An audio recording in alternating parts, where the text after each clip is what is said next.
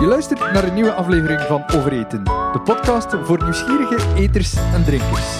Mijn naam is Tijn de Schacht. Welkom bij een nieuwe aflevering van Overeten. Dit is een podcast voor nieuwsgierige eters en drinkers en dat hoor je ook aan de naam. Mijn gevoel zegt dat de vlag de lading dekt, maar ik kan het ook anders lezen. Overeten, in één woord. En dat is misschien minder goed. Sommige mensen raken op een punt waar eten niet meer gewoon eten is, maar een probleem wordt. Mijn gast vandaag is klinisch psycholoog, gedragstherapeut en richtte in 1999 eetexpert.be op, het Vlaamse kenniscentrum voor eet- en gewichtsproblemen. Ze wordt graag gezien als lesgever over de preventie en de uh, behandeling van eetstoornissen aan de KU Leuven, de Universiteit Antwerpen en de VUB. En begin mei verscheen ook haar boek Ben ik de dik mama om ouders te ondersteunen en antwoorden te bieden op vragen over eet- en gewichtsproblemen. Anne van de Putten, super merci om in de podcast aanwezig te zijn. We gaan gewoon met de deur in huis vallen. Een eetstoornis, wat is dat eigenlijk?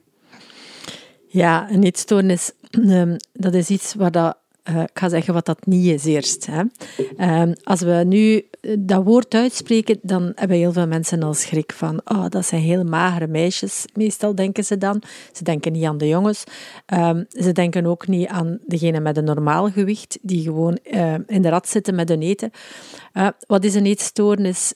het is eigenlijk een uh, een, een versmalling, zou je kunnen zeggen, van de focus waarbij dat men in zijn eigen groeitraject en in zijn eigen hebben en zijn in het gewone leven heel veel belang stelt aan eten. Ja. Waar dat, dat ook begint een invloed te hebben op hoe dat ik me voel. Ja mijn emoties, waar dat ook een invloed begint te hebben op mijn sociaal leven, waar dat ik wel ga, waar dat ik niet ga, waar dat ik schrik voor heb, waar dat ook een invloed begint te hebben op mijn uh, dagstructuur, mij kunnen ontspannen, lukt moeilijker op het moment dat die eetproblematiek uh, zoveel invloed heeft op al die uh, terreinen van het leven. Ik vergelijk het soms met, kijk, een gezond leven is eigenlijk een huis dat je hebt. En dat heeft een huis met verschillende kamertjes. Hè. En je vertoeft even in je keuken om eten te maken. Je vertoeft even in je living om volk te ontvangen of met anderen van je gezin samen te zitten. Je hebt een kamer om tot rust te komen, je slaapkamer. Je hebt een tuin om te chillen, om even gewoon niks te doen of om te sporten, te bewegen. Hè, van. En een, een goede gezondheid is eigenlijk dat je in al die plekjes even kunt zijn. Wat gebeurt er op het moment dat je een stukje hapert in die gezondheid? Dat is dat je in één plekje heel veel zet. En een eetstoornis is dat je in dat plekje rond dat eten heel veel zet. En dat dat eigenlijk alles overstemt. Hè? Van dat die focus rond eten je keuken, zou je kunnen zeggen, waar je met dat eten bezig bent, dat dat beïnvloedt wat je in je living nog doet, dat je bijna niet meer tot rust komt in je slaapkamer, omdat je uh, heel hard bezig bent met dat eten, dat je niet meer kunt chillen in je tuin, of dat je eigenlijk niet meer kunt gewoon op het gemakje uh, met vrije tijdsactiviteiten bezig zijn. En dat is, dat is eng. Dat is bangelijk. Dat geeft heel veel onmacht, zowel bij de jongeren zelf, jongens en meisjes, niet alleen meisjes, jongens en meisjes. En dat geeft ook heel veel onmacht bij omstaanders, hè. vrienden, familie, ouders, uh, um, die plots um, voelen dat hun kind, een vriend, vriendin, niet meer dezelfde is. Dat die brede focus eigenlijk plaats maakt voor een hele vernauwing. En dat maakt bang, want uw kind, uw partner, uw vriend, vriendin is precies een beetje ontglipt. Mm. Ja, je hebt nu een paar keer gezegd, uh, kind, maar dat is eigenlijk niet een probleem voor kinderen alleen, toch? Nee, het is een problematiek die eigenlijk uh, voorkomt uh, op alle leeftijden, in alle groepen, over alle geslachten heen. van, um, maar de leeftijdsgroep waar dat het meest voorkomt, is de groep zou je kunnen zeggen, tussen 14 en 25. Ja. Dus in die zin denken we heel vaak aan jongeren, maar het is ook zo. Als we nu kijken na COVID, naar de cijfertjes, dan zien we dat 1 op 5 van alle meisjes tussen 15 en uh, 25 uh, signalen hebben van eetproblemen. Dat is, dat is veel. 1 op 5, dat is heel veel. Hè? Is dat, is dat veranderd in vergelijking met, met vroeger? Allee, je doet dat, dat nu al 25 jaar. Ja. Dat betekent dat je ook wel al een paar eh, variaties en trends hebt zien komen Ja. en, en gaan, Ja, ja. denk. Het is een problematiek in het begin dat, dat ik ermee bezig was, werd het eigenlijk heel vaak niet onderkend. We hebben onderzoek gedaan. We hebben duizenden hulpverleners eh, ondervraagd in Vlaanderen. En dan zagen we dat, de, dat men eigenlijk alleen de eetstoornissen herkende met ondergewicht. Ja, anorexia nervosa, omdat dat opviel. Ja, Dat is ook ondertussen de meest gekende vorm van eetstoornis. ja maar het is eigenlijk niet de grootste groep. Allee, in de zin eigenlijk- van iedereen... Ik, ik denk dat er niet veel mensen zijn die nog nooit van anorexia gehoord hebben. Dat zou kunnen, ja. Maar het is niet de groep die het meest voorkomt. In het palet van eetstoornissen is dat eigenlijk eerder een kleinere groep, maar ehm, ze, ze valt meer op. Ja? En ook eh, omwille van het snel gewichtsverlies eh, voelen we ook dat daar medisch zo wat risico's bij zitten, waardoor dat omstaanders ook heel bezorgd raken en bang zijn en, en, en hulp zoeken. Ja. Maar het is zeker niet de grootste groep. Hè, van, ehm, eh, als we kijken naast die groep eetstoornissen met serieus ondergewicht, dat we anorexia noemen, heb je een groep ook met een normaal gewicht, die helemaal in het begin, in het 90, toen dat ik begon, buiten de scope zat. Zelfs in het CLB, zelfs de huisartsen zagen ze niet, ja, omdat ze er niet anders uitzagen. Hè, van, maar het is eigenlijk een groep, de, de mensen met eetbuien, die dat ook compenseren. We noemen dat bulimia nervosa. is een groep die eh, een stuk, eh, ja, die, die, die misschien zelfs iets groter is dan de anorexia-groep. En dan heb je de grootste groep, en dat is de groep met eetbuistoornissen, die niet compenseren. Hè, die af en toe ongecontroleerde eetbuien hebben. En die dat niet compenseren, waardoor dat de meesten stilletjes aan ook eh, overgewicht krijgen. Hè, van, en die dan ook een stuk een overlap hebben met de mensen die obesitas hebben. We weten dat van de groep van overgewicht en obesitas is een derde tot de helft eigenlijk heeft die ook een eetstoornis. Ja. En dus dat is belangrijk als we kijken naar de geslachten toe. Anorexia is eigenlijk iets wat dat meer voorkomt bij meisjes en vrouwen, omdat het slankheidsideaal ook eh, meer applaudisseert als meisjes en vrouwen mager zijn. Voor een magere jongen is er niet zo heel veel eh, extra applaus. Maar we zien, we hebben onderzoek gedaan ook ehm, in Vlaanderen, en wat zien we dat eigenlijk ehm, de jongens regelmatig ook eetbuien hebben. We hebben gekeken bij de 18-jarigen die juist aan de NIF begonnen waren. En daar zie je dat, meer, dat bijna de helft van de jongens af en toe eetbuien hebben. Eh, dus dat, dat is eigenlijk een groep die ook eh, ja, behoorlijk voorkomt. Ook na COVID hebben we gezien dat mensen op het moment dat ze overal vastzaten, dat ze niet naar buiten konden komen, dat ze ja, terugvallen op een van die eerste ja, copingstrategieën noemen we dat. Die, die strategieën om met emoties om te gaan. Als je je niet goed voelt, wat doe je? Eten. Ja. En sommige mensen gaan juist niet eten, maar een heel deel gaan juist ook dan een bakje troost zoeken en een stuk extra eten. Ja. En dat is iets wat we in covid-tijd overal internationaal hebben zien toenemen. Dat eetbuien, ongecontroleerd eten. En dan af en toe werd dat dan gecombineerd met periodes van ik voel me schuldig, ik ga niet meer eten. En dan zit in een jojo, wat dan moeilijk is. Ja. En als we kijken van, oh, wat, wat moeten we daar dan aan doen? Oh, ehm, we moeten uit die focus rond dat eten. Ja, we moeten terug naar dat huis met al die kamertjes en dat iedereen in, zijn eigen, allee, in, dat, in die verschillende kamertjes een stukje ehm, zijn leven uitbouwt. Hè. Dat we zeggen, het is belangrijk dat je een keuken hebt en dat je daar een gezond eetpatroon ontwikkelt. Hè, van, dat je daar goede maaltijden bereikt eh, en daar mag een keer een frietje tussen zitten. En dat, het is niet dat er geboden en verboden eten is, maar als je daar kijkt naar het aanbod, de voedingsrio leert ons wat dat we meer nodig hebben en wat dat we minder nodig hebben.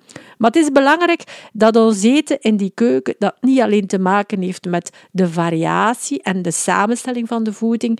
Recent zegt men, eigenlijk moeten we zorgen dat in plaats van die focus op voeding en calorieën, dat we eerder focussen op leren omgaan met de etensmomenten in die keuken. Voedingsvaardigheden, eetvaardigheden. En we hebben dat eigenlijk ook van ons kenniscentrum wat samengevat. Dat zijn de vier eetvaardigheden. Ik weet niet of dat je het ziet, maar op onze site staan er fiches. We noemen het de vier G's. Gezellig, eten, gevarieerd eten, genoeg eten en geregeld eten. Eigenlijk zegt men nu vanuit internationale aanbevelingen van we hebben een beetje fout gemaakt door zo te focussen op calorieën. Het is eigenlijk beter dat we kinderen, jongeren aanleren dat ze een goede uh, structuur leren in de dag. Drie maaltijden, twee tussendoortjes. Eigenlijk om de drie uur ongeveer iets eten is goed om zo uw groei te ondersteunen. Ja. Het tweede iets, het is goed dat het gezellig blijft. Dat we genieten van het eten. Dat we niet door die hyperfocus ons beginnen schuldig voelen. Mag ik nu dat eten of niet? Dat we tijdens de maaltijden genieten en dat we tussen de maaltijden door leren van niet te eten en andere activiteiten te doen. Mm en dan de derde G is dat we genoeg moeten eten. En genoeg wil eigenlijk zeggen aanvullend bij wat dat ons lichaam in zijn groei nodig heeft. En ook daar is er een probleem, want door al die focus dat we gelegd hebben op dat eten, zijn eigenlijk jongeren soms in een groei ongelooflijk in de war van wat mag ik nu eten en wat niet. En wat is te veel en wat is niet te veel. En we zien dat bijvoorbeeld jongeren die echt in een groeispurt zitten, die gaan ook als ze sporten eh, dikwijls in een fase komen dat ze veel meer gaan trainen. En tegelijk extra groeien, 15 centimeter dikwijls in een, in een aantal maanden tijd, en tegelijk heel veel trainen, zorgt ervoor dat sommige mensen, dat sommige jongeren in die groei gewoon tekort hebben. En dat niet-vitale functies in hun lichaam uitgeschakeld worden zelfs. Dus dat is zo'n iets nieuws van aandacht dat we zien. Wat bedoel je daar nou juist mee? Niet-vitale functies die uitgeschakeld worden? Wel, we, gaan, we zien soms dat, dat jongeren in die volle groei, die sporten, dat ze snotneuzen hebben waar ze niet van uitgeraken. Dat is eigenlijk die weerstand die een stukje uh, ja, niet meer is of dat ze moest zijn. Hè. Sommige... eigenlijk zuiver omdat het lichaam niet genoeg niet genoeg eh, energie, heeft om, om, om, al die groei op te vangen en al dat sporten op te vangen. Hè. Van hetzelfde meisjes die zeggen, ja, mijn maandstonden zijn aan het wegvallen of zijn onregelmatiger aan het worden. Dat kan een signaal zijn van die niet-vitale functies die uitgeschakeld worden. Maar ook sporters die trainen en die echt een stukje uh, ja, zich geven, maar geen vooruitgang boeken. Mhm. Dat kan zijn dat die niet-vitale functies uitgeschakeld worden. Eigenlijk wordt dat nu een stuk samengevat hè, binnen RED-S. RED-S is relatieve energiedeficiëntie in de sport. Hè.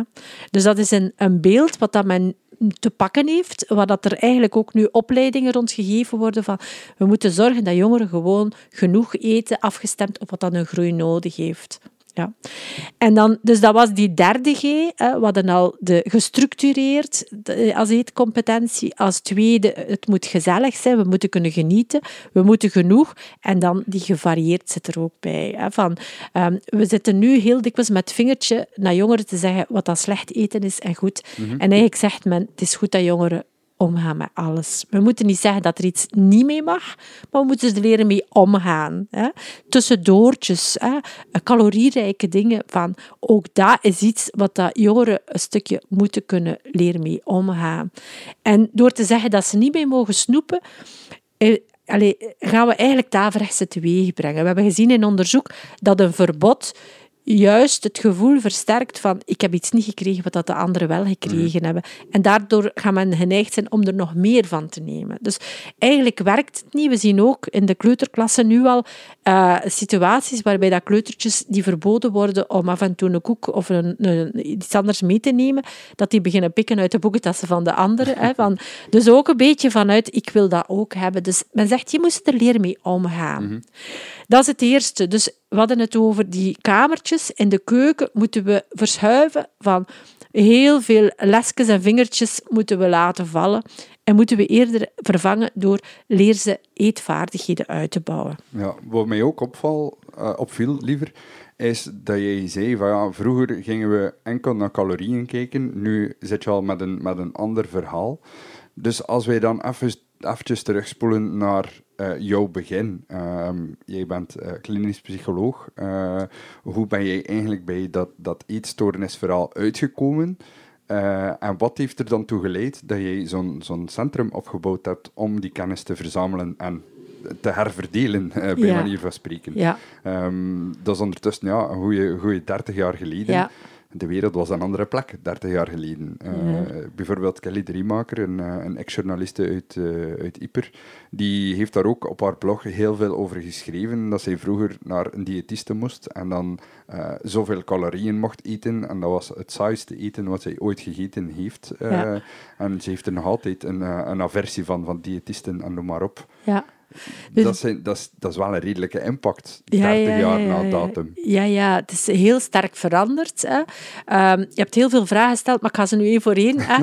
Uh, hoe ben ik ertoe gekomen, 30 jaar geleden? Per toeval. Ik was een West-Vlaamse en uh, ik had sociaal school gedaan, dan psychologie gestudeerd en dan moest ik stage doen. En ik ging hier gewoon in West-Vlaanderen stage doen. Maar ik had de liefde van mijn leven tegengekomen in Leuven en we gingen daar gaan wonen. En een prof zei, zou niet gaan naar tienen stage doen eh, in een eetstoornisafdeling. Zo ben ik in de eetstoornissen terechtgekomen.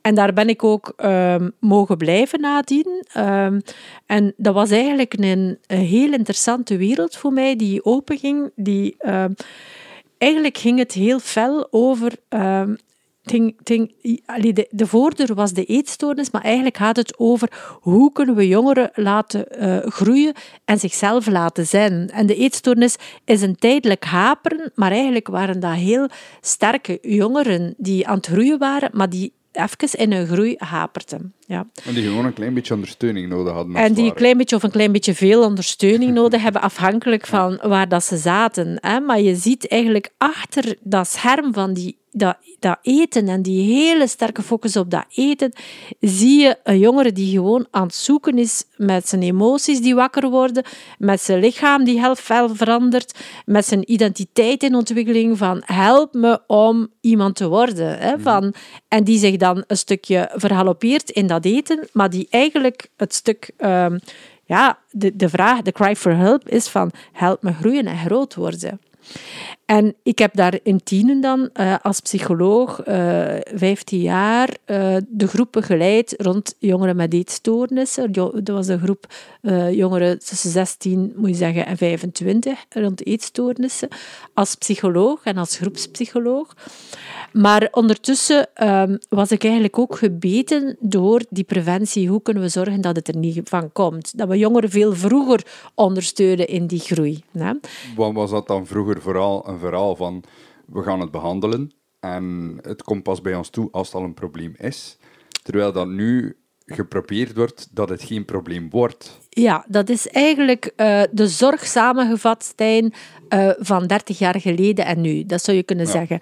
We zitten eigenlijk... Uh, in, in 30 jaar geleden was als men hoorde iemand is aan het haperen met zijn eten en er zit een eetstoornis achter, dan dacht men direct aan een bed in een kliniek. Ja. Terwijl dat men nu denkt van kijk, als er een eetstoornis is, we moeten zorgen dat het niet zo ver komt. We moeten, we moeten preventief jongeren versterken dat ze niet haperen met dat eten. Als dat niet lukt, moeten we tijdig signalen uh, opvangen. En als dat nodig is, moet er snel hulp zijn, maar liefst in de eigen omgeving.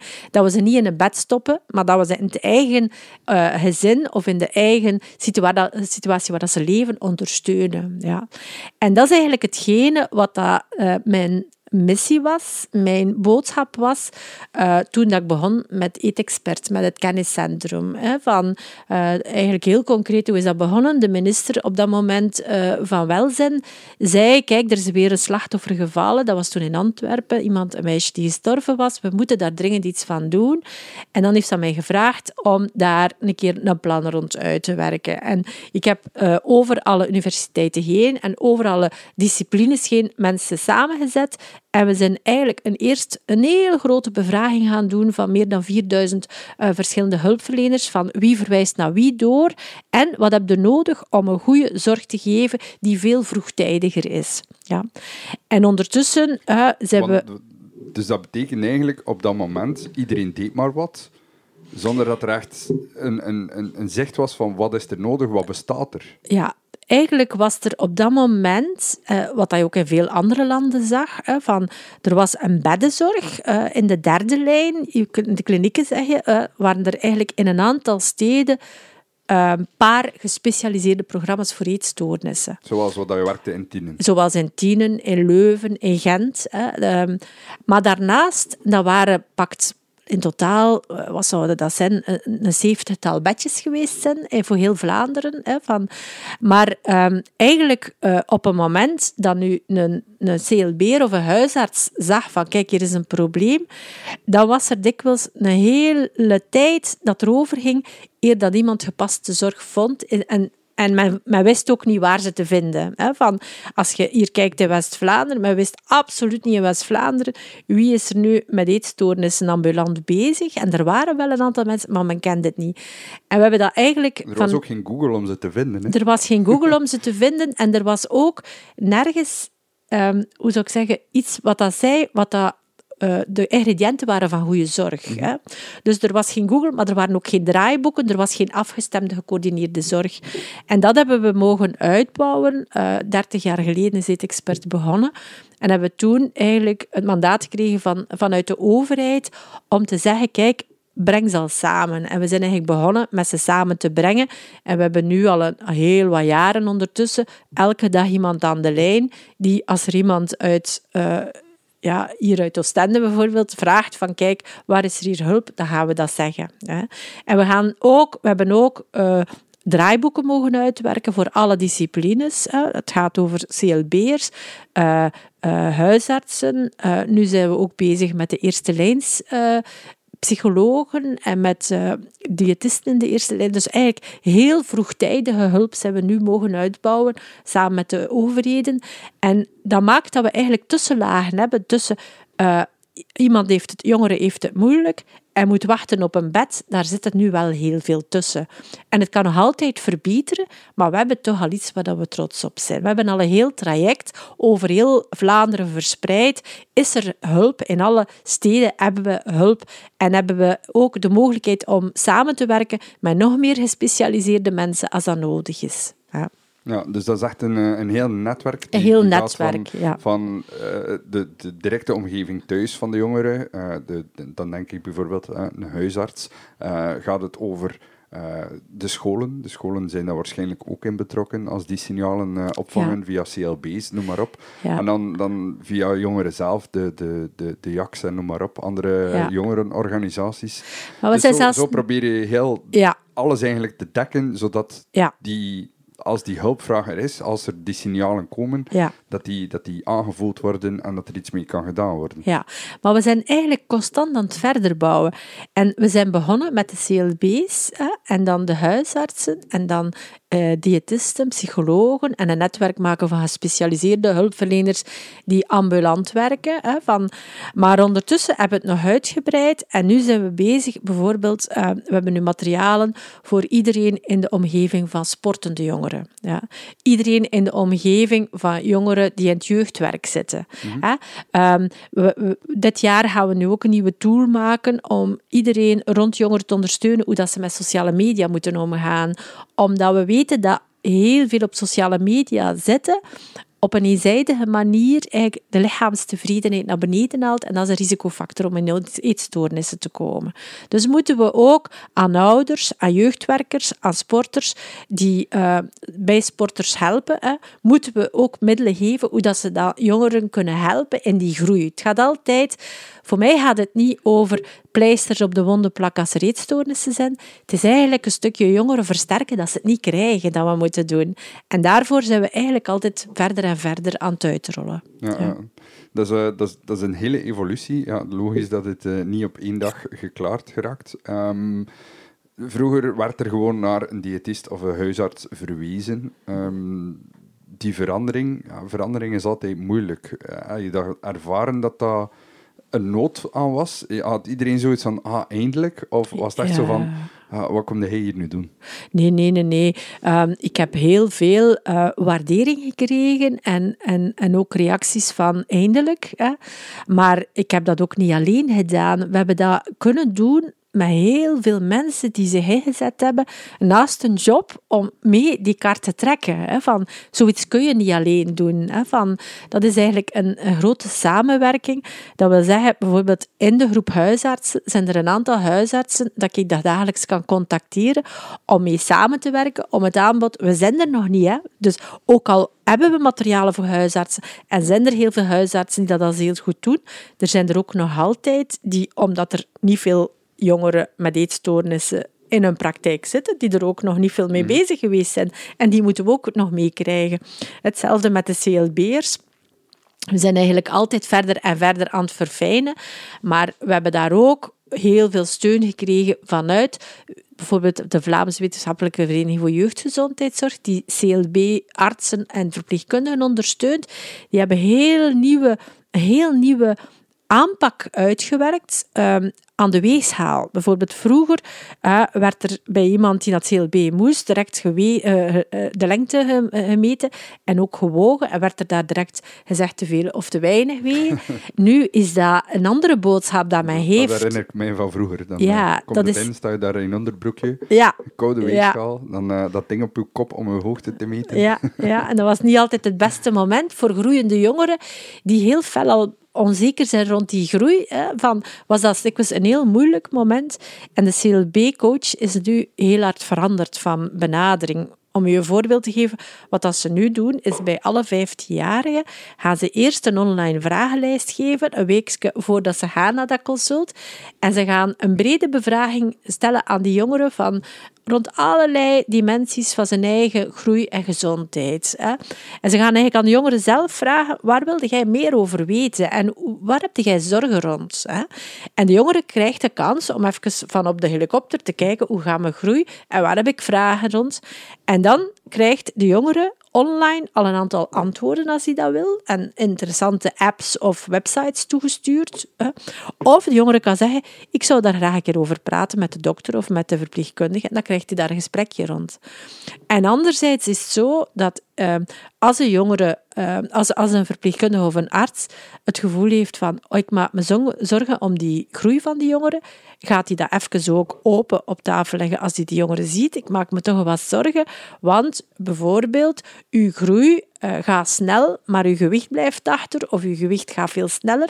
Dat, dat thema kan wel nog besproken worden. Of is naar beneden gegaan. Of is naar beneden gegaan, maar men zal het niet meer op basis van alleen dat gewicht gaan doen. Men gaat even horen aan die jongeren, hoe gaat het eigenlijk met jou? En als de jongere zegt, maar hoe? Ja, ik voel me goed, ik voel me goed in mijn lijf, ik heb vrienden, ik groei goed, dan gaat men dat waarschijnlijk zelfs gerust laten. Mhm. Maar het is veel meer de aandacht rond ik wil de jongeren laten groeien, eh, die, die nu voorop staat en niet meer het gewicht op de weegschaal. Het is het geheel van hoe kan een jongere uh, zijn vleugels gaan openslaan. En daar zit vooral die, dat welbevinden bij. Voelt de jongere zich goed in zijn lijf, in zijn, eh, naar zijn zelfvertrouwen toe ook, naar sociale contacten. Dus het zal veel breder zijn die eetstoornissen, die had ze net kort even vernoemd, hè, de, de anorexia nervosa, de, de bulimie.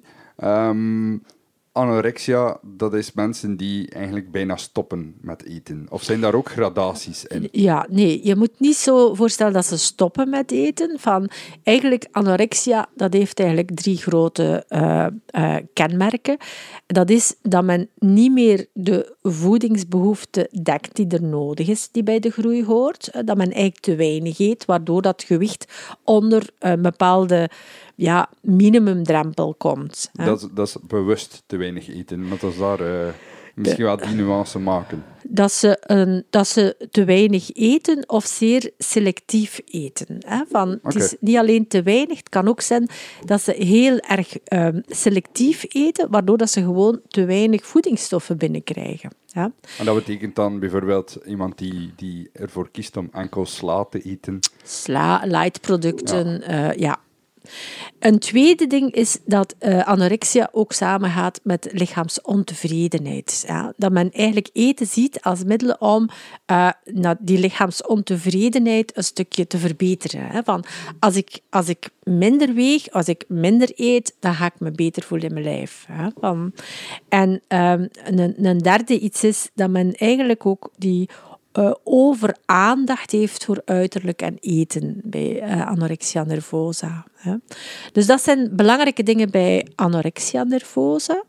Um, uh, een, een, vraag die ik dikwijls krijg is, is de aandacht op gezond eten en anorexia, is dat dan hetzelfde? Orthorexia en anorexia. Hè, van, uh, en daar zit een overlap tussen. Hè. Wat, wat, wat, wil dat zeggen, orthorexia? Orthorexia is eigenlijk de aandacht die nu beschreven wordt, dat is eigenlijk iets, een woord die vanuit de media komt, hè, van, maar de aandacht die beschreven wordt aan gezond, gezond eten. Hè, te gezond eten bijna. Ja.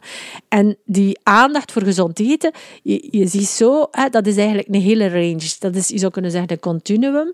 Iemand kan gewoon geïnteresseerd zijn in wat gezond eten, maar eigenlijk nog alles binnenkrijgen die bij de groei uh, nodig is. Hè. Maar iemand kan ook zo gefocust zijn op gezond, dat hij ook te weinig binnenkrijgt en eigenlijk uh, dat er een beetje een hyperfocus ontstaat, waardoor dat die focus alle kamertjes van zijn huis binnenkomt. hè, en niet meer tot rust kan komen, uh, niet meer afspreekt met vrienden omdat niet gezond gegeten wordt of zoiets. En dan zitten we in, in de eetstoornis. Dat is de anorexia. Als je, als je, bijvoorbeeld kijkt naar sociale media, zoals dat je al een paar keer gezegd hebt, dat dat de lichaamstevredenheid uh, doet dalen.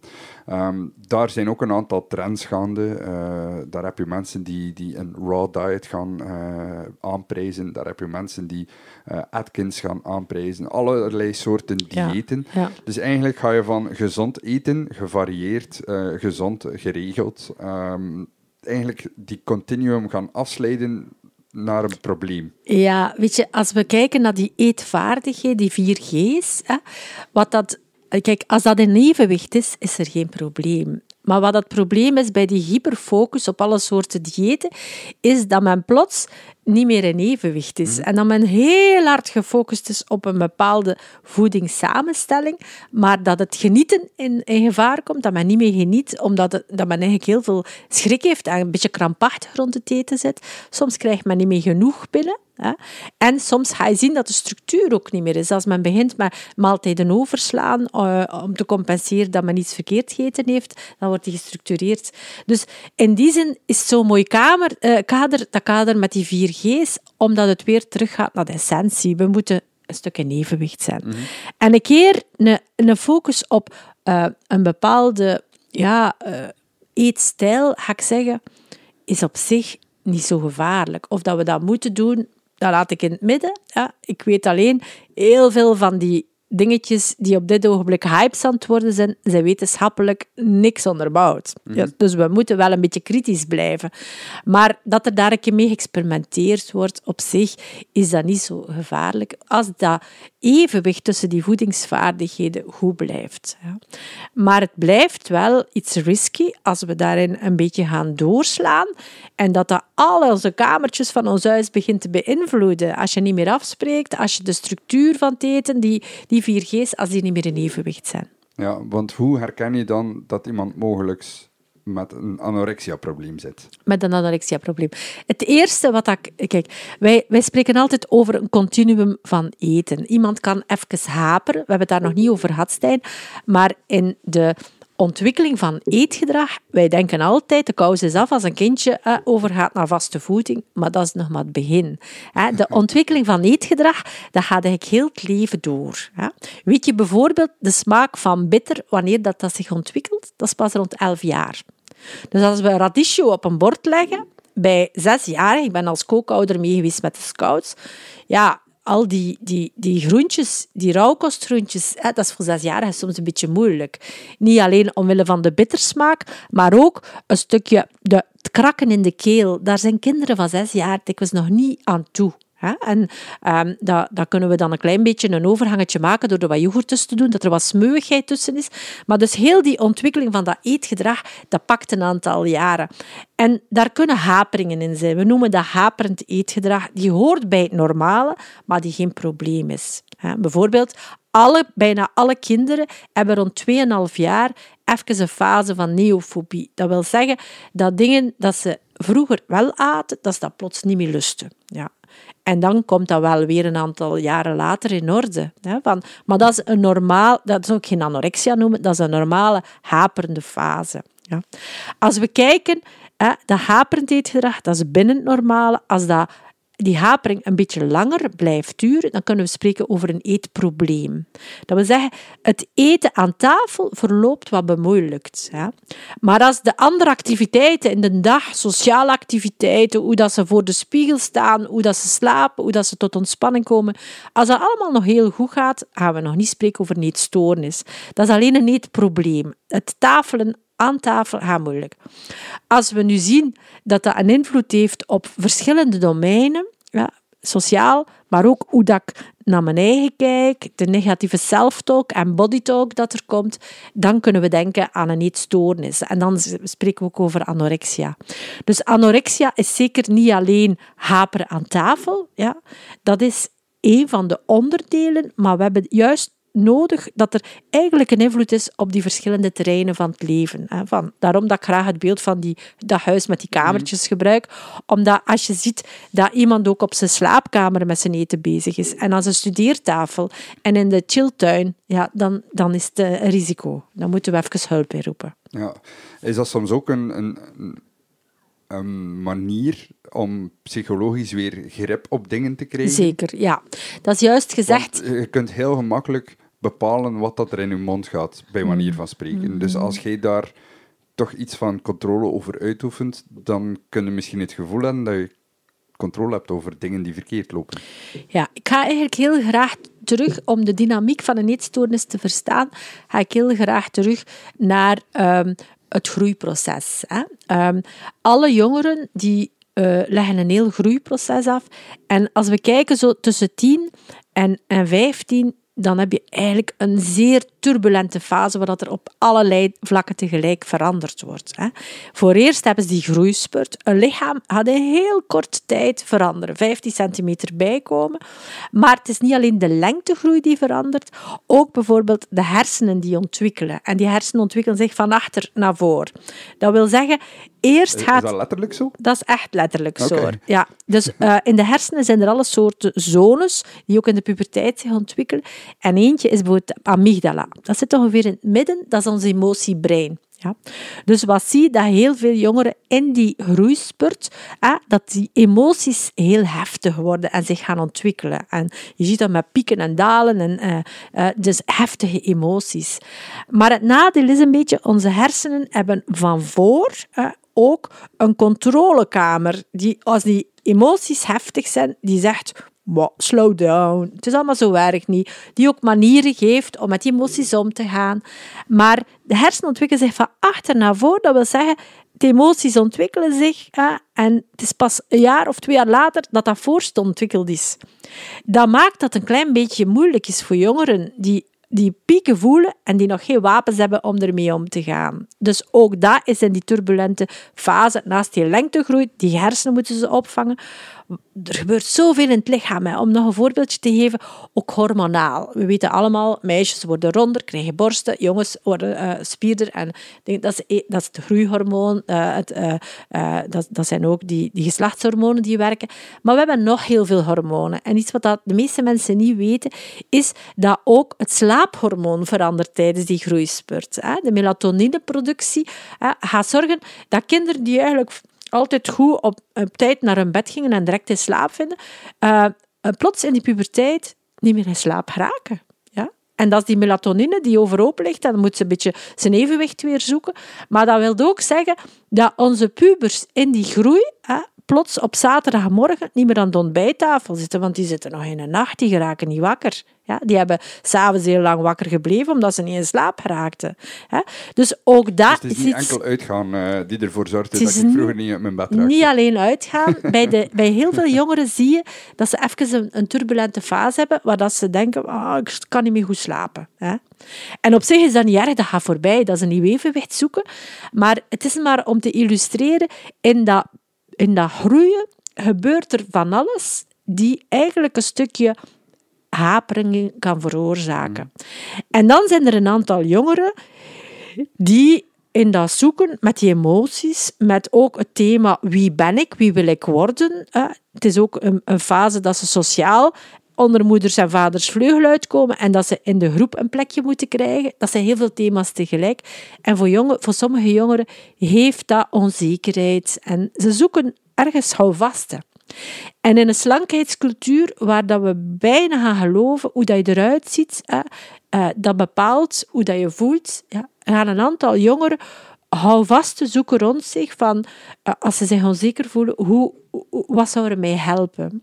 En het is normaal dat ze een beetje gaan zoeken. Ze gaan zoeken op sociale media, ze gaan zoeken naar voorbeelden rond zich. Ze gaan en, en ze gaan, eh, sommige jongeren gaan een stukje toegeleid worden tot dat uiterlijk. En gaan denken, als ik er maar mager uitzie voor meisjes, dan komt alles goed. Ja, en ze gaan even heel fel in die dingen gaan, in die strategie gaan doorgaan. En dan zien we, dan beginnen ze op sociale media te zoeken. Maar op sociale media zit er heel veel technologie achter, die hen eigenlijk in een tunnel leidt. Dat wil zeggen, als je dan begint te zoeken op ProAnna of op bepaalde sites, dan gaat de technologie achter de sociale media je altijd opnieuw bij die uh, overtuigingen brengen. En dat is een beetje moeilijk voor jongeren. Ze worden niet meer gecorrigeerd. het ding van zo'n zo'n bedrijven is, die willen dat je heel veel tijd spendeert op hun dat platform. Is het, ja. Want hoe meer tijd je daarop zit, hoe meer dat ze advertentieminuten en, en advertentieogen kunnen verkopen. En daar zit een winstmodel. Dus dan is het inderdaad logisch dat die jou gaan voorschotelen wat dat zij denken dat mhm. jij graag ziet. Mhm. En dat is niet altijd wat je nodig hebt. Nee. En dat is hoe ja. in, in, in zekere zin mensen uh, politiek uh, geradicaliseerd worden. Maar aan de andere kant is dit hetzelfde principe mm. die, die van toepassing is. En zeker als je dat niet kan um, onderscheiden wat dat, wat dat belangrijk is, wat dat echt is uh, en wat dat, wat dat eigenlijk foute informatie is, ja. dan zit je wel heel snel in een rabbit hole. Ja, inderdaad. Ja. En dat is iets, we gaan daar dit jaar op inzetten om omstaanders van jongeren een beetje te helpen wat dat ze kunnen toesteken aan jongeren. Om ze, eigenlijk leren we jongeren omgaan met heel veel dingen, maar niet met sociale media. Hè, van... Maar vroeger was sociale media er niet, zoals dat wij het nu kennen. Ehm, als, als jij begon met de Eat-expert, dan was er geen Facebook. Dat bedrijf bestond gewoon nog niet. Um, maar anorexia bestond wel. Ja, maar het was, het was een stukje anders wel. Hè, van, we zien dat de lichaamstevredenheid van jongeren elk jaar achteruit gaat. Hè. Toen was de lichaamstevredenheid wel nog een beetje beter. Anorexia was er wel, hè, en er waren eetstoornissen. En dan gaf ik opleidingsjes op dat moment hoe dat ze konden omgaan met mediabeelden. Hè. TV was heel bepalend. En ook de tijdschriften. ja uh, en ook dan was dat al hè, van uh, de invloed het, het van... supermodel-ideaal. Uh, ja, ja. Die... als we kijken eigenlijk naar de, on, het onderzoek van de afgelopen ja, decennia, ga ik zeggen, en millennia, hè, van, dan zie je dat er altijd schoonheidsidealen gepredikt geweest zijn. En als we kijken, in de middeleeuwen was dat veel meer door de bourgeoisie en door de verhalen van de koningshuizen en weet ik wat. maar ik ga nu niet zo ver terug. Als we kijken naar het begin van de jaren 1900, dan dan kwamen in een overgang van een maatschappij die moest overleven. Van, uh, weet je, dat ze toen op dat moment was het echt, om even aan te geven, de basisvoeding was aardappelen. En één keer per week hadden ze een klein hoekje vlees. En van al die charcuterie was er nog geen sprake, van al die exotische groenten en fruitjes was er geen sprake. Dat was eigenlijk zeer beperkte voeding toen. Hè. Maar ook, dus het was overleven. En dan is er eigenlijk na het oorlogs een stuk welstand gekomen, waardoor dat mensen eigenlijk sedentairder ook gingen gaan leven, maar waardoor dat er ook veel meer aanbod was van voedingsmiddelen, waardoor dat ze minder moesten overleven en dat ze eigenlijk een stukje konden ja, uh, dat, dat, er een andere eetcultuur ontstond. Maar ook, dat, we, dat zagen we dan ook in de slankheidsidealen. Hè, van, er, er was eigenlijk even overconsumptie, want mensen hadden het gevoel, nu kunnen we het wel doen, na die schaarste periode. En dan kwam Miss Twiggy Generation, hè, die, die eigenlijk zei van, je moet toch een beetje oppassen en je moet op je lijntje letten. En generaties hebben elkaar altijd gecorrigeerd. Na de Miss Twiggy Generation kwam er een generation die zei van, een generatie die zei van mama's, papa's, jullie moeten oppassen, want te veel aandacht op die uh, buitenkant kan ook gevaarlijk zijn. Je moet op gezondheid uh, focussen. En dan kwam er ook daar weer een overdrive, hè, dat men eigenlijk te gezond ging gaan leven en dat men eigenlijk ook vastgeraakte in dat over, uh, die overaandacht aan gezond leven. En dus je, je gaat zien, maatschappelijk wordt er altijd een stukje, soms een generatie later, gecorrigeerd voor wat dat de generatie ervoor fout deed. Ja, een beetje een slinger. Uh, in een slinger die weg en weer gaat. Hè. Nu, um, als ik kijk van op dit ogenblik zijn er verschillende dingetjes bezig. Men is weer naar de authentic food stuk aan het gaan, maar ook naar de smaakcombinaties. Men, uh, gezond leven is weer een stuk belangrijker. Um, en ik denk ook er zijn ook risico's dat we weer te hard daar gaan in doortrappen. Maar wat dat we wel in heel veel onderzoek zien, is dat men echt zegt van kijk, gezond leven, dat is alles. Dat is eigenlijk veel, veel belangrijker dan, dan calorieën en wat dat je eet. Mm. van, ook daar hebben we op onze site een fiche van, die eigenlijk op dit ogenblik overal uitgerold wordt. Gezond leven is alles. Waarbij dat de aandacht een stukje gemaakt wordt. Alles is een acroniem dat staat voor afwisselend eten en eetcompetenties, leuk bewegen, lief zijn voor jezelf, emoties hanteren en genoeg slapen. Dus we zien dat die focus overal een stukje verbreed wordt van niet alleen meer op het eten te focussen, maar een stuk naar die leefstijlfactoren die groei versterken. Dat is nu de basis waar dat men naar verwijst. En een ander belangrijk iets is, um, Stijn, je hebt in het begin al gesproken over dat boek voor ouders. Dat is niet toevallig dat ik dat boek voor ouders nu gemaakt heb, van Ben ik te dik, mama? Er wordt eigenlijk gezegd van, ondanks het feit dat jongeren veel blootstelling hebben aan allerlei beïnvloedende kanten, ook sociale media, hebben de ouders thuis en de families toch eigenlijk nog altijd heel veel um, invloed. Hè? Dat de, de, de hechtheid die er is tussen jongeren en hun ouders en een familie, hè, die is eigenlijk een heel belangrijke basis voor gezonde leefstijl aan te leren. En men zegt eigenlijk van, kijk, uh, ouders die eigenlijk uh, jongeren willen helpen in dat groot worden en groeien, ja, die kunnen de juiste accenten daar leggen. Naar die accenten die niet gefocust zijn op, eh, op dat, dat, die kilo's of die calorieën, maar eigenlijk ouders van nature voelen ook aan van het is veel belangrijker dan alleen eten. Het is eigenlijk, een jongere moet zich goed voelen. Ja. En, en ouders voelen zich tegelijk soms een beetje onzeker van, doe ik dat wel op de goede manier?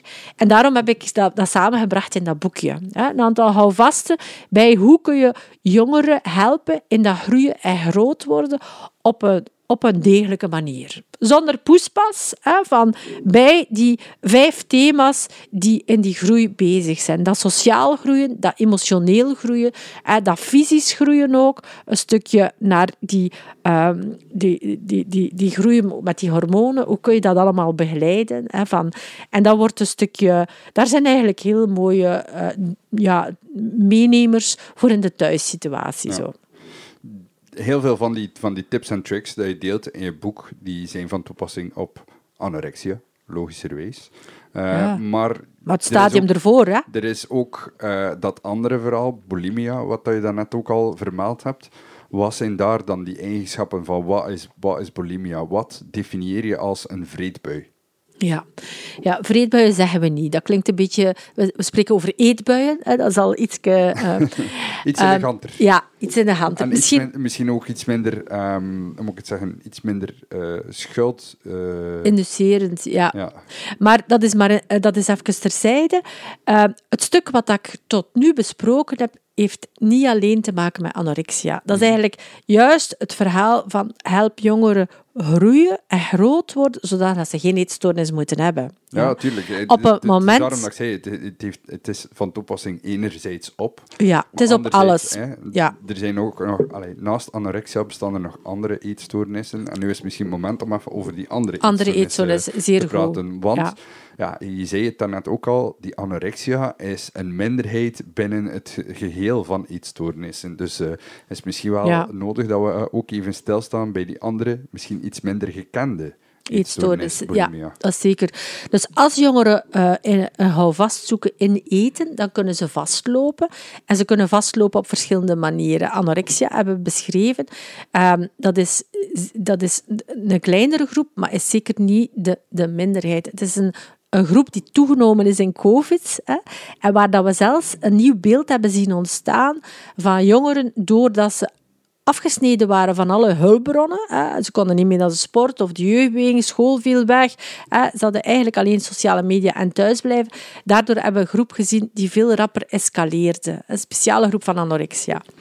Maar dus daarnaast, naast die anorexia, hebben we ook gezien dat de groep emotionele eters ook groter geworden is. Ik vind, dat- ik vind dat trouwens wel frappant, want dat betekent dat dat netwerk toch echt super belangrijk is. dat netwerk is superbelangrijk. En jongeren moeten altijd, zelfs in een epidemie van weet ik wat, met andere jongeren kunnen in contact staan. Anders snijden we echt af. Hè? Dat heel dat emotionele brein dat ontwikkelt, dat heel dat sociale, dat is in die groei, dat is, dat is dan bezig. En als ze dat niet hebben... Ik heb jongeren geweten die op kot gegaan zijn in Leuven en die de eerste twee jaar geen enkele les had hebben met andere jongeren. Sommige jongeren hebben alleen maar op een stoel op kot gezeten, hebben niks van netwerk gehad. Dat is toch... Dat is, Dat is, dat is vreselijk. heel raar om te bevatten. Dat is Eh, vreselijk. Want ja, ik, ik ben er eh, 38, ik was 35 toen het begon. Ja, ik had wel een idee wat mijn netwerk was en wie mijn vrienden waren. En eh, ik had al die networking skills opgebouwd, als het ware. Ja, dat was een voordeel voor eh, mensen die naar hogescholen gingen, naar universiteiten, eh, in studentenclubs eh, gingen. Allee, toch voor, voor de meesten. eh, jammer genoeg niet voor eh Sandadia, die eh, deze week in het nieuws was. Maar daar vorm je een netwerk die later ja, een enorme basis vormt voor heel veel dingen. Eh, vriendschappen, maar ook professioneel. Ja, als dat wegvalt, ik vind dat zo absurd. Ik, ja, die moeten inhalen. Ja, ja. En het is, het is niet gemakkelijk om in te halen, want de jaren dat je op de schoolbanken zit, gaan verder. En sommige jongeren hebben daar... Ondertussen zijn ze bijna afgestudeerd en ze hebben eigenlijk nooit die practica's gehad, die, die lessen samen. Ook door lessen samen te hebben, spreekt ook af na de lessen. En heb je ook... Allee, voor een aantal jongeren die uit zichzelf iets minder gemakkelijk contact te leggen, is dat echt heel moeilijk geweest. En je zegt het sociale, maar het sociale is part of ook je eigen identiteit uitbouwen. En dat is eigenlijk een thema dat voor sommige jongeren echt bemoeilijkt is ja, door die, Ja. door die Ja, ik denk dat dat ook een hele moeilijke beslissing is natuurlijk van enerzijds volksgezondheid. Als je met een, eh, een, een hoge overdraagbaarheid zit van Ja, ja. Een, eh, een ziekte met een hoog risico. En anderzijds heb je de sociale ontwikkeling en de sociale cohesie van een maatschappij. Ja, dat is Ja. een moeilijke afweging. Het is een eh, moeilijke dus afweging, ja. Goed, het is wat het is. Wij kunnen daar eh, nu Ja. de klok niet terugdraaien en dat gaan veranderen. Maar je hebt wel gemerkt dat er daar een, eh, een serieuze impact op die, op die gezondheid van de jongeren gekomen is. Niet enkel fysiek, maar ook mentaal. Inderdaad. En we moeten er lessen uit leren, dat we veel meer gaan moeten inzetten, moest dat nog een keer nodig zijn, naar die sociale cohesie, naar de, de, dat, dat jongeren eventueel ook via vrijwilligerswerk betekenis kunnen krijgen voor anderen, maar dat dat sociale, dat we dat verder toch voor jongeren eh, versterken. Ja, ik denk dat het moeilijk ook is. Ja, er is niet echt een precedent geweest. Hè. We Nee, niet echt zoiets. nee, eh, en ik hoop dat het niet meer meegemaakt op- op- terugkomt, Op, hè, maar- schaal. Dus eh, Ja. het is heel moeilijk om dan zoiets in literatuur te gaan terugvinden. Ja, Eh, ja. De, de bronnen over de pest die zijn nogal vaag. Ja, ja, ja gelukkig maar. Ja. Eh, maar Ja. goed. Dus ja, dan die, die, die bulimia. Die bulimia, eh, daar gaan we eens naar terugkomen. Hè. Dus ja, dat er daar ehm, op die vreselijke periode eh, iedereen reageert op andere manieren. En een aantal, eh, we hebben gezien dat ehm, toch één op twee van de Vlamingen ehm, meer zijn gaan eten en eh, eetbuien zijn gaan doen. Hè, van, En dat is een stukje reactie dat je heel vaak ziet op emoties die oplopen, angst, eh, tristesse, eenzaamheid soms, hè, van, is eigenlijk soms de uitlokker om emotioneel te gaan eten. En dan kan dat eh, een stuk even zijn, haperend eetgedrag. Het kan zijn dat dat aan tafel eh, uh, meer is. En dan zit je in de eetproblemen. Of dat kan zijn dat dat heel veel impact krijgt, ook op andere domeinen. En dan zit je in de eetstoornis en dan noemt dat bulimia nervosa. Als er gecompenseerd wordt, braken, eh, extra oefeningen doen of laxeren. Um, en als het niet gecompenseerd wordt, noemt dat dan eetbuisstoornissen. Dat, dat zijn de twee groepen. Bulimia nervosa, eetbuisstoornissen. Die gaan alle twee samen met eetbuien. En eetbuien, die... Uh, uh, als we kijken, het, het beeld van bulimia is eigenlijk, er zijn eetbuien, er wordt gecompenseerd, maar ook, ook, daar heeft men het gevoel dat men uh, niet goed in zijn lijf zit. Die lichaamsontevredenheid is heel sterk. Ja, want een, een eetbui, wanneer wordt iets een eetbui? Want ja, in die, in die uh, eerste lockdown, dat was het fantastisch weer. Ik heb hier een tuin. Ik heb ook meer gegeten dan uh, dat ik op een andere dag zou doen. Maar dat is ook omdat heel mijn dag was vrij. Ik heb een barbecue staan. Uh, Eten is leuk. En je zit gewoon een hele dag door een beetje te snacken. Je drinkt al eens een pintje meer, mm -hmm. wat er ook wat calorieën in zitten. Mhm. Een glasje wijn erbij. Ja, over, uh, over die hele periode heb ik gewoon veel meer calorieën geconsumeerd. Uh, maar ik zou niet zeggen dat ik eetbuien gehad heb. Het is gewoon over het algemeen veel meer gesnakt, gesneukeld, ge, gesnoept dan, dan normaal eten. Ja, wanneer wordt iets een eetbui? Ja, dat is uh, een, een, een goede vraag. Een eetbui is eigenlijk op het moment dat we een, uh, een ongecontroleerd, um, ja, eigenlijk buiten onze controle op meer eten. En dat is dikwijls geïnduceerd door emoties. Hè, van, ik voel me heel verdrietig en oh, dat wringt van binnen en ik ga even door meer te eten dan dat ik eigenlijk wil, eh, ga ik die emoties een stukje gaan bestrijden. Het kan emoties zijn van tristesse, van eenzaamheid, van angst. Van, um, dus het is eigenlijk, dat controleverlies is belangrijk. Je, van, je voelt een gat zitten en je wilde toedoen met eten. Ja, ja. En dat controleverlies is eigenlijk, ik heb mijn structuur, hè, s ochtends, s middags, s avonds eten twee tussendoortjes. Hè, van, um, en ik ga eigenlijk merken dat buiten die structuur begin ik plots nog te eten. Hè. En ik kom in de keuken en ik kan er niet van afblijven, van wat er al aan het pruttelen is op het vuur. Of ik ga de, de frigo in en eigenlijk is het geen moment dat, dat te eten is, maar ik ga dat toch doen. Heb ik honger? Nee, niet echt. Maar ik heb geen, geen buikhonger misschien, maar misschien wel een beetje harthonger. Of ik heb hoofdhonger, noemen we het. Ik, ik verveel me. Of, of, of ik, ik, ik, ik ben gewoon heel, heel erg druk in mijn hoofd en ik wil even stilstaand hebben door te eten. Hè, van. Dus dat, dat zijn zo die, ja, die, die, die momenten van controleverlies die niet gekoppeld zijn aan eten als fysische nood, maar die eigenlijk vanuit andere redenen er zijn, dan spreken we over eetbuien. En om het nog complexer te maken, Stijn, dan spreken we over um, objectieve eetbuien of subjectieve eetbuien. Objectieve eetbuien is dat ik echt een stuk veel te veel eet. Een echte eetbui doe, dus dat ik plots... Ah, uh, uh, ik kom van het werk thuis, het was een heel drukke dag en het is nog geen etenstijd. De anderen van de familie zijn er nog niet. Maar ik duik de frigo in en ik begin al een half brood op te eten met van alle soorten splits op. Hè, van, uh, kan een, uh, een, een objectieve eetbui zijn. Een subjectieve eetbui is... Ik zit eigenlijk al heel erg narrow in mijn hoofd met eten bezig. Ja, en ik leg mij op dat ik geen chocolade mag eten. Ja. En ik kom van school thuis en ik ga een hele lat chocolade eten. Wat objectief geen eetbui is, mhm. maar subjectief in mijn beleving, ik wou geen chocolade eten. En ik heb de controle verloren en ik heb een hele lat chocolade opgegeten. Ja, dat kan wel een eetbui zijn, maar dat is een subjectieve eetbui. Ja. Dus, dus dat, dat, dat klinkt ergens ook niet als enorme volumes. Want dat die subjectieve is eetbuien... Dat is eigenlijk een beetje zoals ik uh, ja, bulimie voorstelde. Uh, mensen die zoveel eten dat ze ja, zich fysiek slecht voelen en dan gaan compenseren door het ja, er weer uit te braken. Dat is zo hoe dat het in mijn hoofd was Maar het is duidelijk dat daar heel veel nuance bij zit. Ja, dat is inderdaad. Ehm, er zijn mensen die. Het gaat over dat controleverlies, hè, die, die eetbuien, en die daarop compenseren. Hè, van uh, bulimia nervosa is eigenlijk de, de, de, de combi van er is controleverlies en er wordt gecompenseerd. Het zij door braken, laxatine, maar ook sommigen gaan dan direct heel veel oefeningen doen hè, van het schuldgevoel. En het is die dynamiek die in de bulimia uh, zit. Hè, van uh, het gevoel van controleverlies gehad hebben en te compenseren. Hè. Ja, dus de, allez, dat is die ene groep die, die, die compenseert. Maar je zei dan dat er ook nog een andere groep is die eigenlijk gewoon eetbuien heeft. Ja, emotionele eters kunnen eetbuien hebben. En dus als we kijken naar de eetbuistoornis, dat is eigenlijk, men gaat eigenlijk regelmatig controleverlies ervaren, meer eten dan men wil eten en niet compenseren. Ja. Dat is de eetbuistoornis.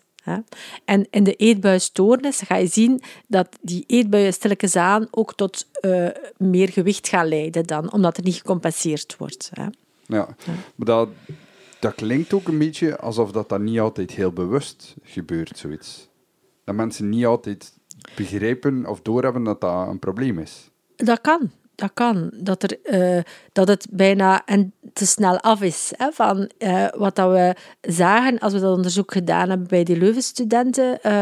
Uh, dan zagen we van dat er heel wat jongeren zijn die in de aanpassing aan een kot na de les op kot komen, even de, het alleen zijn voelen en dat ze beginnen te eten. Hè, van, en, en die eigenlijk ja, daar misschien niet altijd bij stilstaan in het begin. Hè, van, maar wat je wel ziet, is dat bij heel veel jongeren die die controle verliezen ervaren, dat er stilletjes aan schuldgevoelens ontstaan en het gevoel van onbehagen, van ha, ik voel me niet goed dat dat gebeurd is. Hè. Um, maar in een eerste reactie kan dat soms half bewust zijn. Ja, ik bedoel, iemand die, die zegt van ik ga vandaag geen uh, chocolade eten en dan toch een reep chocolade eet. Ja, ja dat, dat, dat, klinkt, dat klinkt soms zo onschuldig. Ja, maar dat, dat eh, weet je, kijk, dat, dat is ook niet type voorbeeld van een eetbuisstoornis. Hè, van als dat ene keer gebeurt, het gaat vooral over de heftigheid ermee mhm. en de impact dat heeft op al die kamertjes. Anders zou die over niet stoornis spreken. Hè, van... Dus dat, dat, begint dan misschien een paar keer van vandaag ga ik geen chocolade eten. Dan komen ze thuis van, uh, van de les, eten ze toch die volledige lat op. En dan is van, oh, ik had nog gezegd dat ik geen chocolade ging eten. Ik heb toch gedaan. En dat, dat begint te knagen. Of ja, maar uh, even een, een, stukje chocolade eten en uh, dat niet bewust uh, voorbereid hebben, dat zou ik nog niet een eetbuisstoornis noemen. Een eetbuisstoornis ga ik het noemen als die jongeren uh, dat stukje chocolade regelmatig eet en dan eigenlijk ook de trappers kwijt is. Hè, van als hij het gevoel heeft van, kijk, ik begin met die lat chocolade en dan voel ik me zo slecht na die stuk chocolade te eten, dat ik mezelf ook niet meer kan inhouden. En dat ik gewoon dooreet. Hè, mm. van, en dan heb je zo die, die eetbui die, die massaal toeslaat vanuit dat schuldgevoel, vanuit negatieve self-talk. Zie je wel, ik kan zelfs geen controle houden dat ik dat stukje chocolade toch gegeten heb. En dan, dan, dan is het hek van de dam. En dus men... dan, dan klinkt het een beetje zoals bij, bij die anorexia is het van, ik ga heel hard controleren. En bij de andere is het zo van, ik kan er geen controle over houden, fuck it. Dat, dat kan soms een reactie zijn. Zo, zo, ja. zo komt het over als, je, het, als je het uitlegt. Ja, dat kan zo. Eh, de, de, het gaat eigenlijk, Stijn, bij die eetstoornissen, en die, eh, het gaat iedere keer over de impact dat het mhm. heeft. Ja? Als ik een stukje chocolade eet, zeg fuck it, um, uh, en, en ik kan me herpakken en ik zeg van, ha ja, kijk, ik heb nu weer een stuk, dat beter niet gegeten, ja, maar, ik, doe verder. Als ik zeg fuck it, dan bedoel ik echt, ik geef op. Ik geef op, ja. Als het echt die impact heeft op andere levensdomeinen. Hè, uh, ik was afgesproken om zelfs met mijn lief weg te gaan en ik bel af, want ik voel me echt niet goed en ik, ik blijf in mijn bed zitten en ik, ik, ik, ik zet mijn boterham met choco te smeren, omdat ik er geen... Dat is die fuck it, hè, dat je bedoelt. Dat is die opgeven. Ja, en, wel, en dat is, dat is die eetstoornis. Hè. Op een moment dat ik, dat ik dan voel van het heeft zoveel impact, dat eigenlijk heel veel van mijn andere... Uh, thema's er ook door beïnvloed worden, dan, dan hebben we een eetstoornis en dan moet er hulp gezocht worden. Ja, ja, ja. En dat is, dan, dat is dan het punt waar dat iedereen er rond eigenlijk moet opletten voor de signalen. Ja, maar het probleem is dat twee derde van de jongeren met eetstoornissen tonen dat niet, verstoppen dat. ja. Dus dat is een omdat heel... er een schuldgevoel Omdat aan er een schuldgevoel en dat dat is. een impact heeft Ja. op de rest. Dus da- daar zit je met al een uitdaging van, oké, er is een probleem. Ja. Die jongere weet dat er een probleem is. Stapt daar misschien niet altijd zelf mee naar naar hulpverlening. hulp. Ja. Ergens moet er toch signalen zijn die kunnen opgepikt worden. Ja, Allee, thuis, bij de ouders, dan denk ik, ja, je, je ziet je kind hopelijk eh, toch heel veel. ja, Ehm, dan kun je al merken dat er iets niet in de haak is, iets niet pluis is met je kind.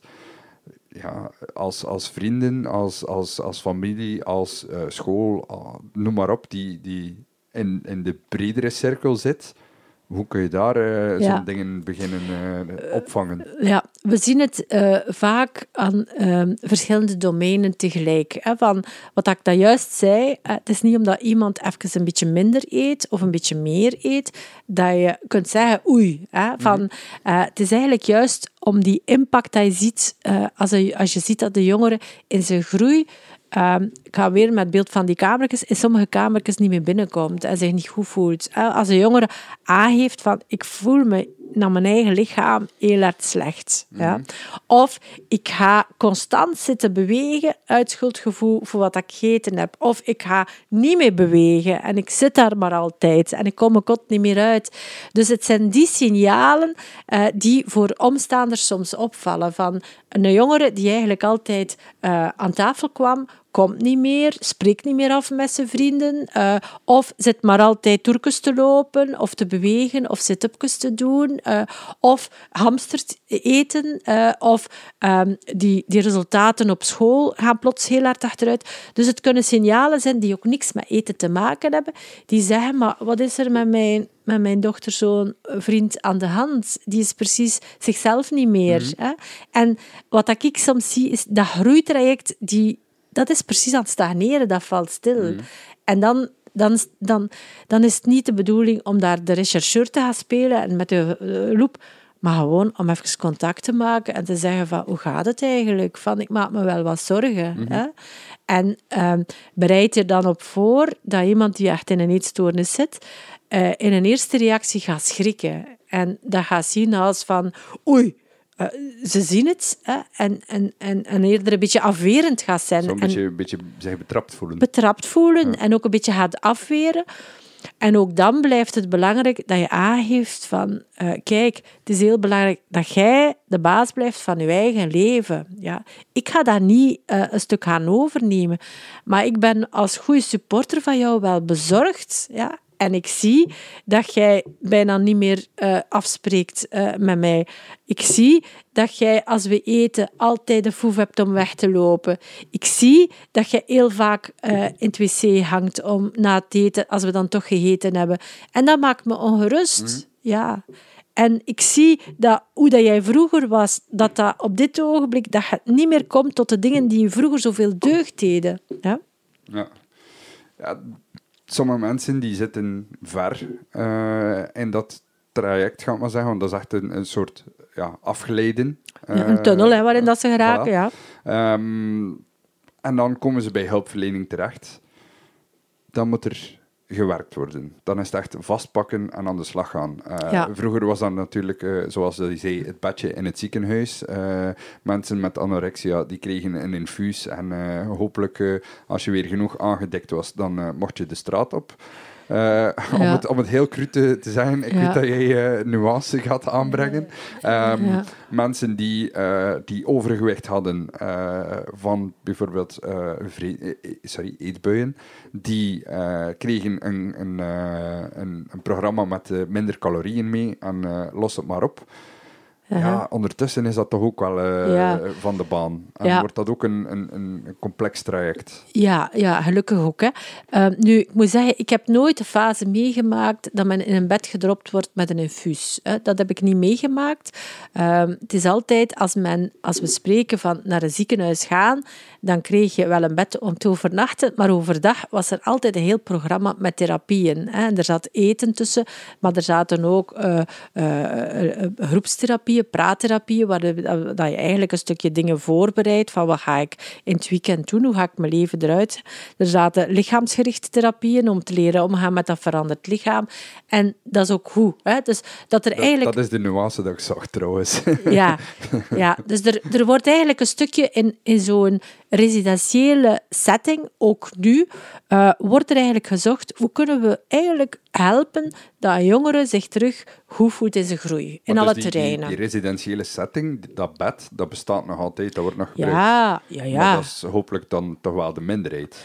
Eh, dat is op dit ogenblik alleen voor de trajecten die vastlopen ambulant. Dus eigenlijk op dit ogenblik zegt men, als je een eetstoornis hebt, is de gepaste zorg een, een zorg waarin dat je gewoon in je thuissituatie kunt eh, blijven en dat je samenwerkt met een huisdokter of een kinderarts, een psycholoog en een diëtist. Ja. En die diëtist gaat niet meer kijken naar calorieën, gaat eigenlijk vooral invoegen op wat gaat er nog goed in uw eetgedrag en hoe kunnen we een stuk verder groeien. En een psycholoog gaat vooral kijken naar ja, wat is de functie van uw eten? Waarom ben jij zo in die tunnel geraakt? En wat is er nodig om terug op de rails te geraken in uw groeitraject? Is dat vooral de relatie met uw lichaam? Is dat vooral de relatie met uw emoties? Is dat vooral de relatie met anderen? En we gaan kijken, eerst in het hier en nu, en stilletjes aan, waar droomde van, waar wilde naartoe gaan, dat je terug je eigen leven kunt gaan leiden en dat je eetstoornis niet meer nodig Dat je hebt. eigenlijk echt zo een, een duwke krijgt om dat weer op rolletjes Ja. te doen lopen. En om uit die hyperfocus van eten een stukje los te geraken. Hè? Want er zijn heel veel eh, ja, interviews gedaan met mensen die een eetstoornis hebben. Er zijn heel veel podcasts die daar eh, bestaan. Eh, noem maar op, je kunt daar heel veel ervaringen vinden. Heel veel van die mensen zeggen dat dat wel iets is wat ze met zich blijven meedragen. Als het later moeilijk gaat en eh, heel veel stress op de job, noem maar op, is het voor hen vaak gemakkelijk om te hervallen. Is dat, eh, merk je dat ook zo, dat dat iets is wat dat wel blijft hangen? Of Ja. raakt de meerderheid daar echt uit en is, zijn er vanaf? Ja, ik, ik zie heel veel mensen rond me die echt eh, goed hersteld zijn ook. hè, en die zelfs eh, soms zelf in de hulpverlening gestapt zijn om anderen te helpen nu. Hè, van wat dan nog een stap moeilijker is dan. Ehm, Dat is iets wat... Ik heb maatschappelijk werk gestudeerd. Wij kregen daar altijd de opmerking van, van let goed op dat je niet in de hulpverlening gaat om je eigen probleem op te lossen. Ja, ja, dat is ook wat ik zeg aan jongeren die... Ik heb er zelf ook al heel veel in therapie gehad. Wat ik zeg, je maakt het een beetje moeilijk als je nog in je eigen herstelproces zit, om dan al anderen te gaan helpen. Eh, wat dat niet wil zeggen dat je ervaringen van pas kunnen komen. Maar niks houdt dan tegen om als het herstelproces echt door is, ja, dat kunnen hele goede therapeuten worden. Dus dat hangt er een beetje van temporiseren af, wanneer doe je wat. Hè? Maar uit de literatuur weten we, kijk, 40% van de jongeren met eetstoornissen herstellen goed en eigenlijk snel.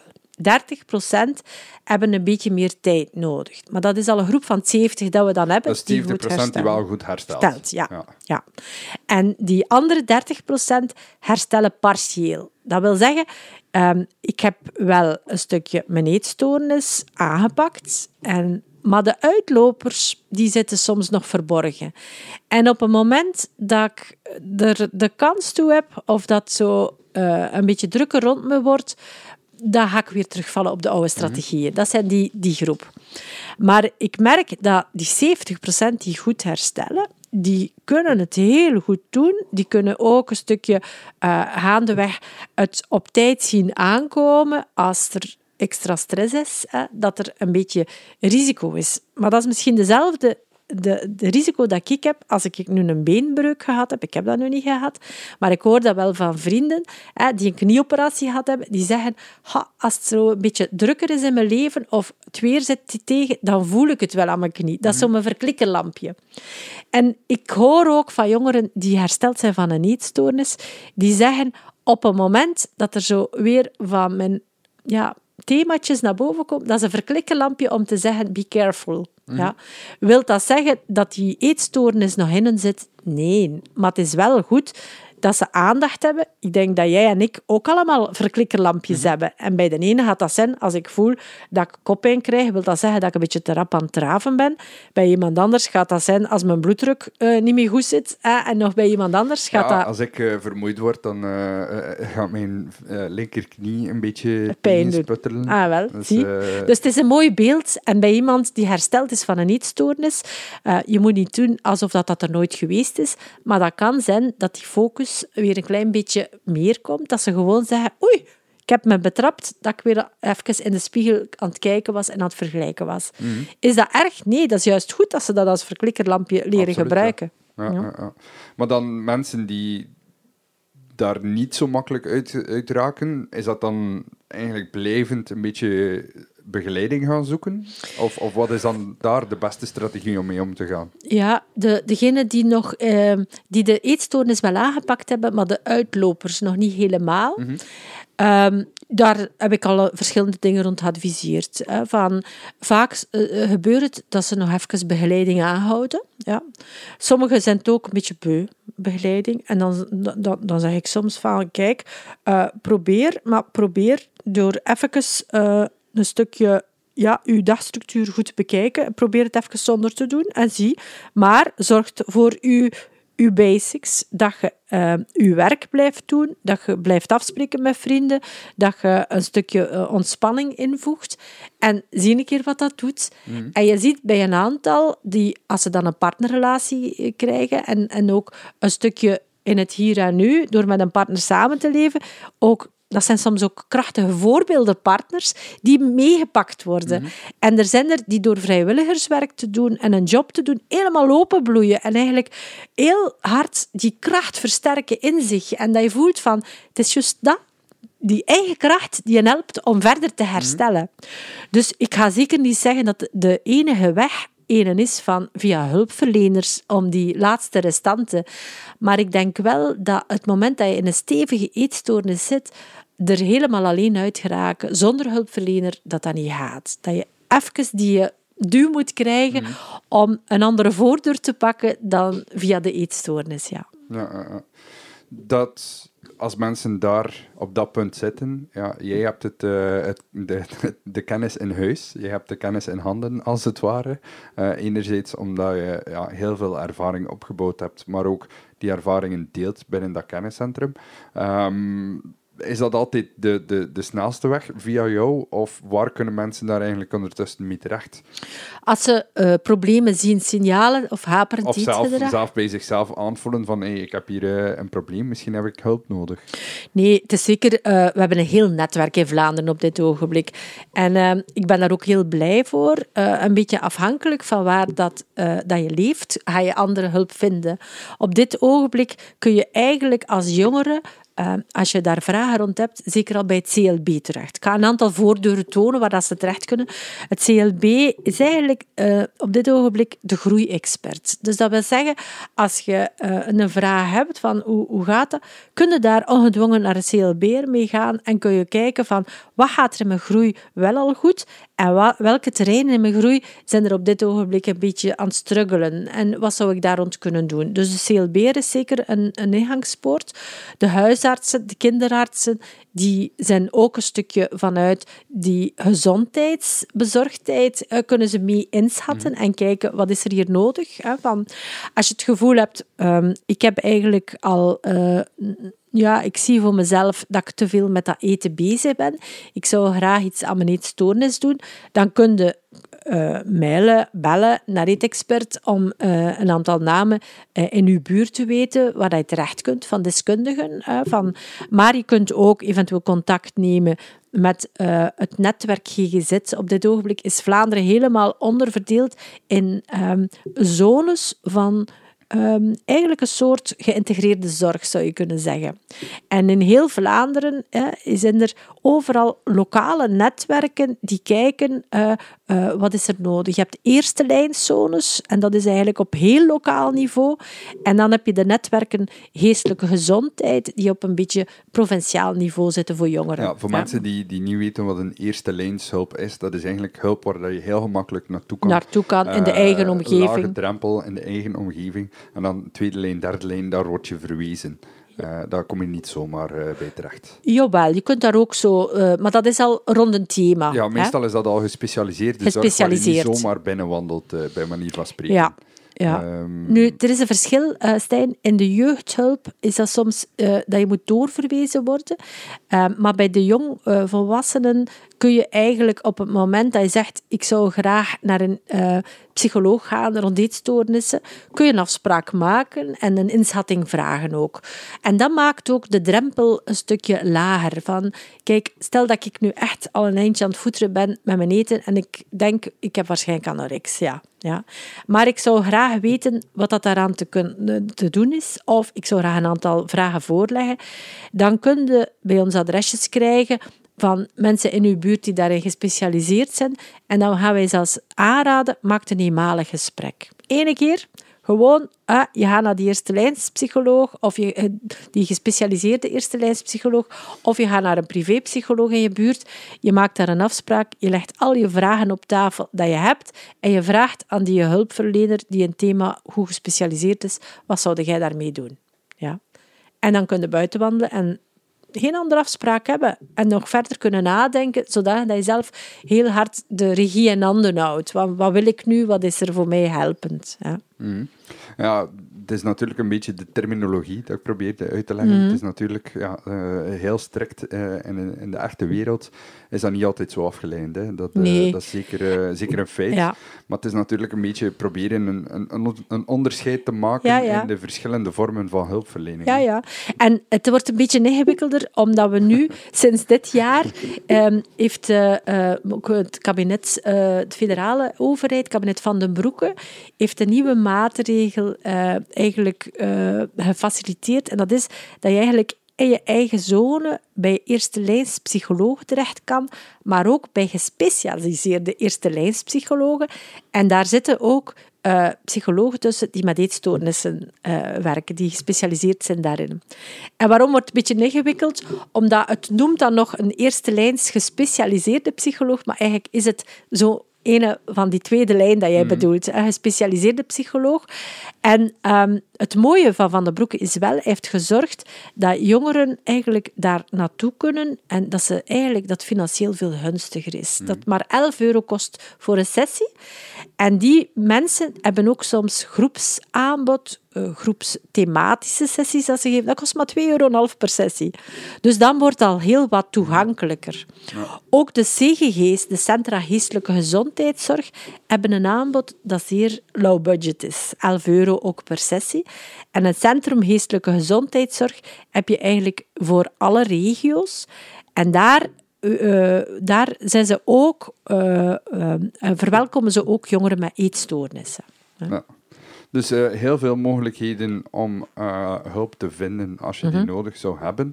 Um, moest je zelf twijfelen of er hulp nodig is, dan denk ik als ouder, neem ik wel aan, want je boek is geschreven voor ouders, mhm. dan kunnen die toch al beginnen met jouw boek. Mhm. Zeker. Um, dat is 30 jaar ervaring samengevat in, uh, in een paar honderd mm -hmm. pagina's, uh, met praktische tips en, uh, en ervaringen. waar is jouw boek overal te krijgen? Wel, op dit ogenblik is het eigenlijk overal te krijgen. Ik ga het nog een keer even voor de camera houden. Voilà. Het is verschenen twee weken terug bij Lano. Ja, dus als ehm, deze podcast uitkomt, is het al ietsje langer uh, geleden. Ja. Dus, uh, begin mei uh, is dit boek uitgekomen. ja, begin mei is dat uitgekomen bij Lano. Op dit ogenblik is het overal verkrijgbaar via alle ehm, boekhandels. en kun je het ook zelfs nog bestellen bij Lano zelf. Um, en ook op onze websites staan de referenties erbij. Voilà. Ik wil ook misschien nog even iets anders aanvullen nog. En dat is dat er ook een hele goede organisatie is van ervaringsdeskundigen in Vlaanderen. En um, dat is www.anbn.be. Uh, anorexia nervosa, bulimia nervosa is dat afkorting van. En dat is eigenlijk in alle provincies hebben zij uh, eigenlijk um, mensen die het zelf gehad hebben, die eigenlijk zich uh, beschikbaar houden om andere jongeren, uh, maar ook om ouders van jongeren, een stuk te ondersteunen en uitleg te geven. En dat is ook een zeer mooi aanbod. Dus ook daar wil ik even naar verwijzen. Ja, en dat was dan mijn, mijn laatste vraag die al een beetje voor was. er zijn nog andere organisaties, neem ik aan, die, Mhm. die, die hulp kunnen bieden op een, eh, ja, op een laagdrempelige andere manier. Soms Ja. gewoon door advies te geven, zoals je net zei. Ehm, dit is dan wel de meest belangrijke eh, volgens jou. Ja, en eigenlijk vind je alles eh, uitgelegd ook op onze site eetexpert.be slash naasten. Ja. Dan ga je op, direct op de pagina komen die eigenlijk ehm, zowel tools geeft, eh, waar dat er filmpjes staan voor ouders, voor naasten, voor vrienden, voor partners. ehm, filmpjes van wat je kunt doen. Ehm, er is een huisarts die uitleg geeft over wat is een eetstoornis. En er worden adresjes doorgegeven van organisaties waar je ook kunt, eh, bij terecht kunt. Voilà, dus eetexpert.be eh, slash ah, naasten. slash naasten ehm, eh, a en bn.be. Dat zijn eh, plekken Inderdaad. waar je terecht kan voor meer informatie. Eh, je kan ook dicht bij huis eh, hulp vinden. En natuurlijk meer informatie over eetstoornissen, die kunnen mensen vinden in jouw boek. Ja, Eh, Anne, zeker. super merci om in de podcast aanwezig te zijn. Ik vond het heel leerrijk eh, en ik hoop dat mensen eh, nu ook iets gevoeliger zijn voor signalen rondom. Dank u wel. Dag. Merci.